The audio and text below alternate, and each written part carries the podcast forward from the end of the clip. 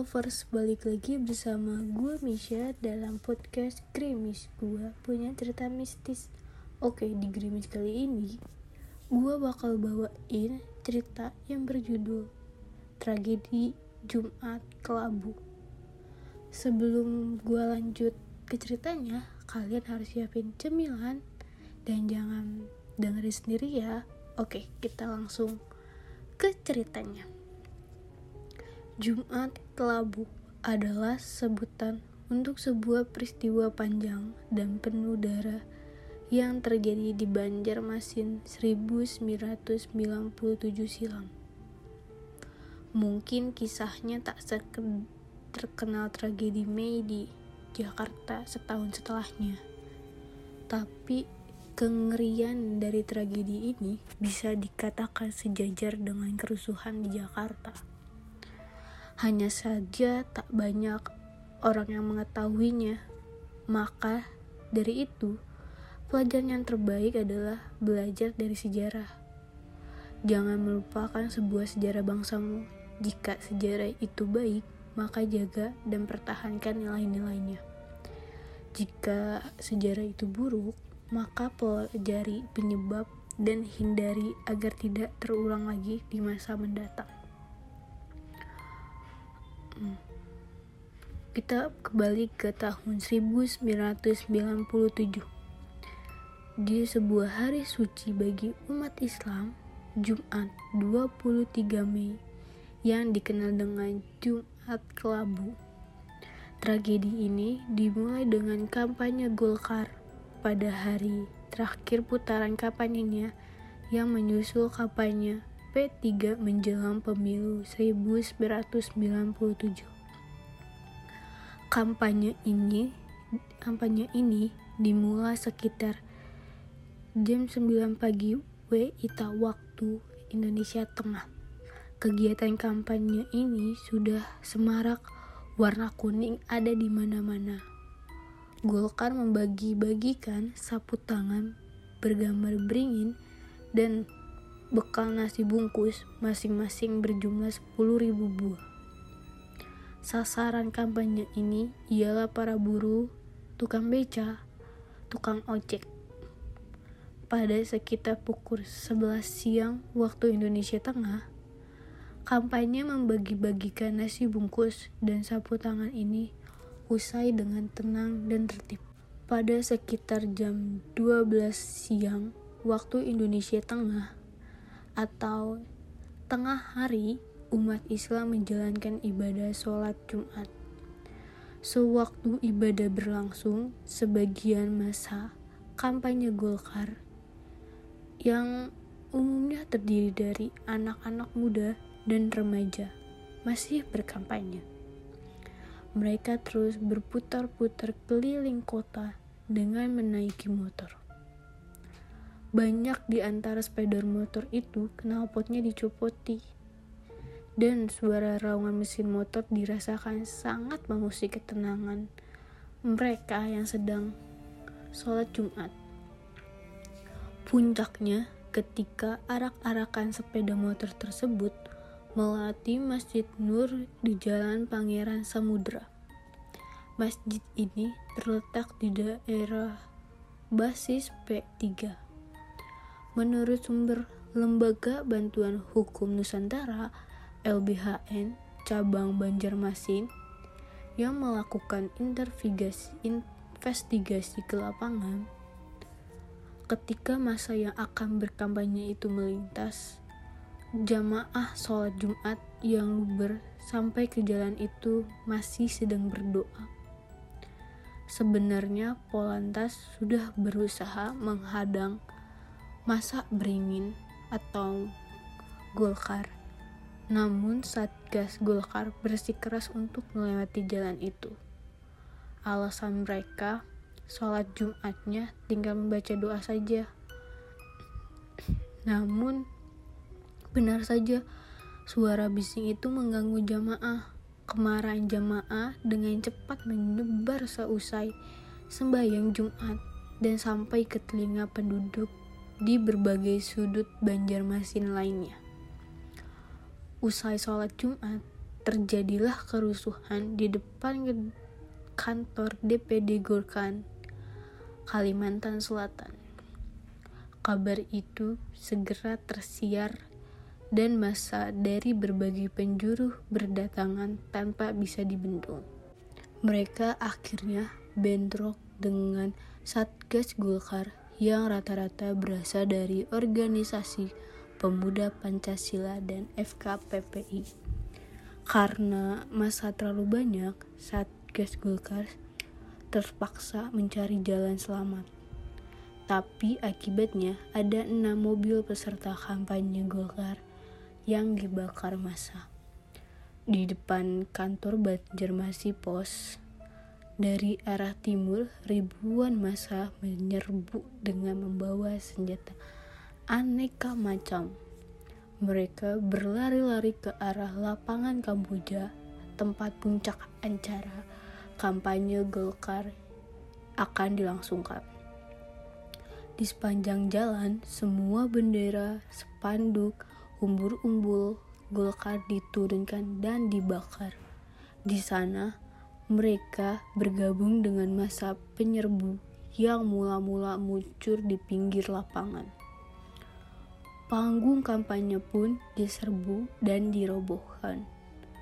Kaum penyerbu bertarung dengan puluhan ribu masa Golkar yang sedang berkumpul di sana.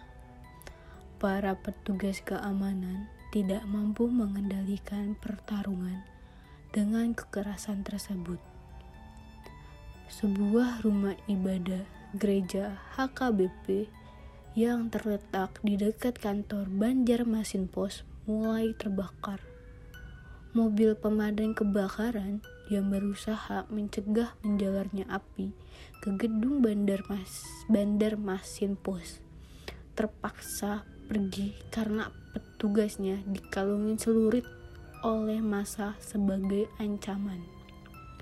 Sebagai sebagian masa menyerbu Hotel Istana Baristo. Di sana mereka berhadapan dengan ribuan masa Golkar yang berkumpul di depan hotel yang tengah bersiap-siap untuk kampanye sore itu. Dari arah barat, tiba-tiba muncul ribuan masa lainnya. Sebagian mengenakan kaos hijau dan atribut P3. Dengan senjata tajam dan apa saja, mereka menyerbu masa di depan hotel mobil-mobil yang kebetulan ada di sana hancur luluh lantak. Kaca-kaca hotel pun pecah dilempari batu. Mulai pukul 3 sore waktu Indonesia Tengah, listrik padam menambah suasana mencekam. Kerusuhan sangat meningkat. Sebagian besar tamu hotel Istana Barito yang masih berada di dalam kamar mereka, mereka dalam keadaan gelap. Tiba-tiba saat pam hotel mengedori pintu-pintu kamar dan berteriak, "Kebakaran!" Para tamu berhamburan keluar, menyelamatkan diri mereka masing-masing. Dengan cepat kerusuhan menjalar ke mana-mana. Masa terus melakukan pengerusakan sambil meneriaki yel-yel P3. Beberapa orang menggunakan atribut PDI. Suasana semakin kalut. Masa merusak dan membakar mobil-mobil pribadi yang ditemui di jalan raya mana saja dan menjarah isinya. Sebuah mobil meledak setelah dibakar di jalanan. Di depan Plaza Mitra, beberapa mobil bergelimpangan, sebagian terbakar. Seorang wanita naik sepeda motor dengan hanya mengenakan BH di bagian atas atau pakaian dalam bagian atas karena kaos golkarnya dirampas masa. Di jalanan, batu-batu berserakan pecahan kaca bertebaran di mana-mana. Di jalanan, fasilitas umum dihancurkan. Masa juga merusak dan melempari ruko-ruko yang berderet di sepanjang jalan. HM Hasanuddin sampai jalan. Ahmad Yani di kawasan Sudi Mampir, Jalan MT Haryono, dan Jalan Pangeran Samudra. Di dalam kompleks Plaza Mitra, dengan persetujuan dari manajemen di Jakarta, pemimpin TB Media memutuskan untuk menutup toko dan karyawan diminta segera meninggalkan lokasi kerja.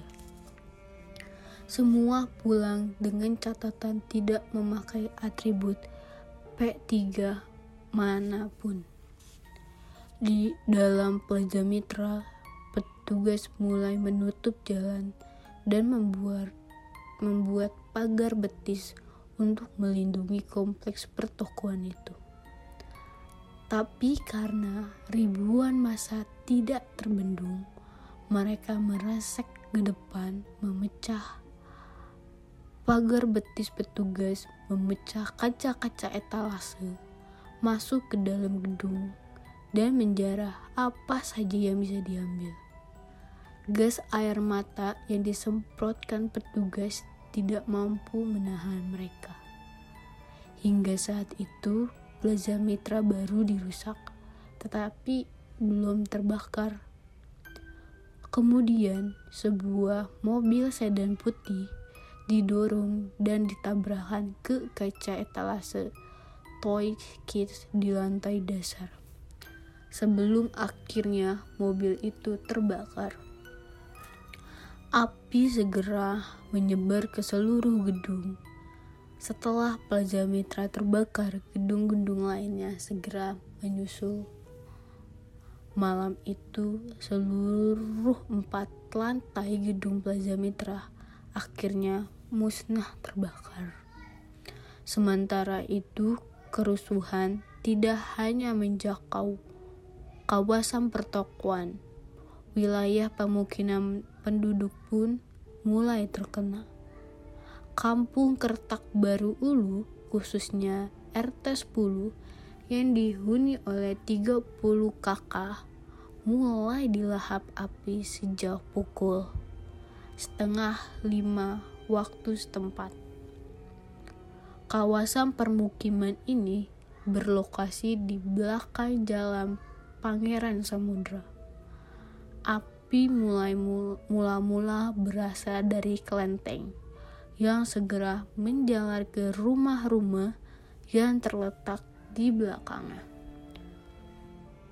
Api bahkan menjalar ke seluruh asrama Pom Abri yang terpisah oleh sungai selebar 3 meter dari Kertak Baru Ulu. Sementara itu, di tempat lainnya, yakni di Jalan Veteran dan Jalan Lambung Mangkurat pada waktu yang bersamaan, sebanyak enam gereja dan satu tempat ibadah Konghucu yaitu Klenteng ikut dihancurkan.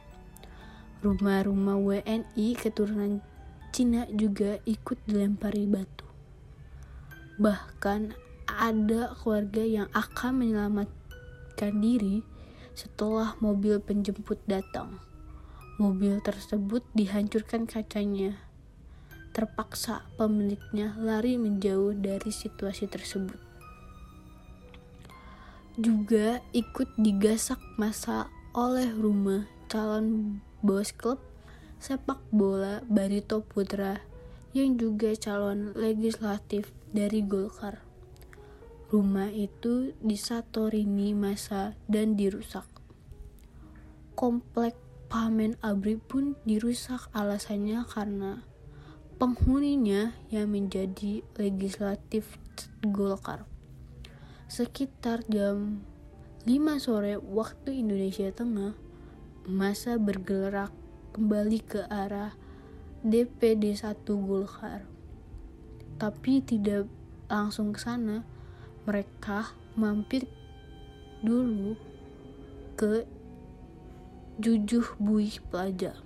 Genset Jujuh Bui Plaza dibakar dan gedung 8 lantai tersebut akhirnya terbakar. Sebuah hotel di gedung itu, Hotel Kalimantan, banyak artis yang mengikuti kampanye itu menginap di situ, termasuk Jurkam. Di hotel tersebut juga menginap ketua MUI Pusat KH Hasan Basrin yang ikut rombongan kampanye. Di situ juga ada Gubernur Kaliman Kalimantan Selatan dan Muspida. Mereka semua selamat.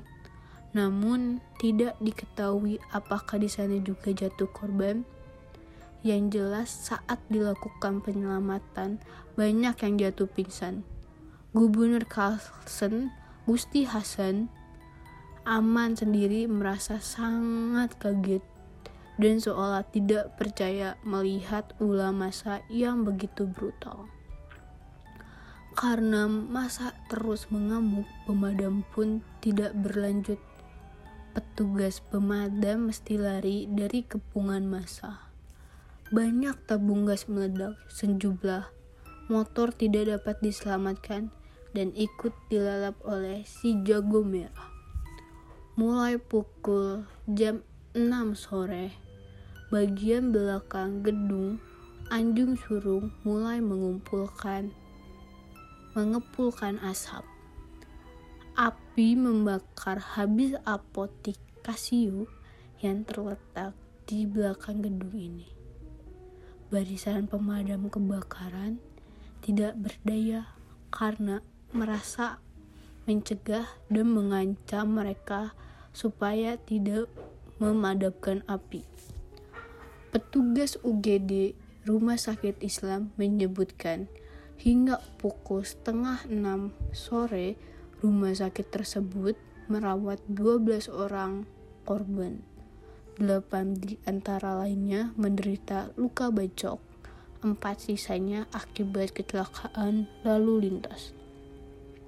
Sementara rumah sakit Ulin menyebutkan sedikit mereka merawat 20 orang pasien termasuk Didik Trio Marsidi, juru foto Banjarmasin Pos. Didik dianiaya masa ketika meliput penghancuran gedung markas DPD Golkar. Saat itu, orang-orang dari berbagai kampung pun mulai gelisah dan mulai melakukan pengamanan masing-masing. Mereka semua keluar rumah menjaga setiap gang dan jalan-jalan masuk lengkap dengan senjata tajam berupa mandau, samurai, dan celurit. Penjagaan dilakukan semalam suntuk karena mereka mendengar isu yang mengatakan bahwa Golkar akan mengadakan serangan balik atau serangan balasan. Pukul setengah sembilan malam waktu Indonesia Tengah, masa beramai-ramai ke arah supermarket Mitra yang merupakan pusat pertokoan terbesar di Banjarmasin saat itu. Letaknya di Jalan Sumatera. Di gedung berlantai empat ini banyak terdapat toko-toko elektronik, komputer, dikostik, dan ruang pertemuan showroom mobil mewah masa berhasil masuk dengan menerobos blokade keamanan. Isi gedung dijarah dan dibawa lari. Gedung itu sendiri telah terbakar sekitar pukul 8 malam waktu Indonesia Tengah dan api menyala sampai pukul 9 pagi keesokan harinya. Oke, segitu dulu cerita horor dan mistis episode Gripis kali ini. Gue yakin kalian gak sabar untuk kelanjutan ceritanya jadi terus pantengin segmen Grimis di channel Optai Podcast setiap hari Kamis jam 9 malam di Spotify. Gue Misha pamit see you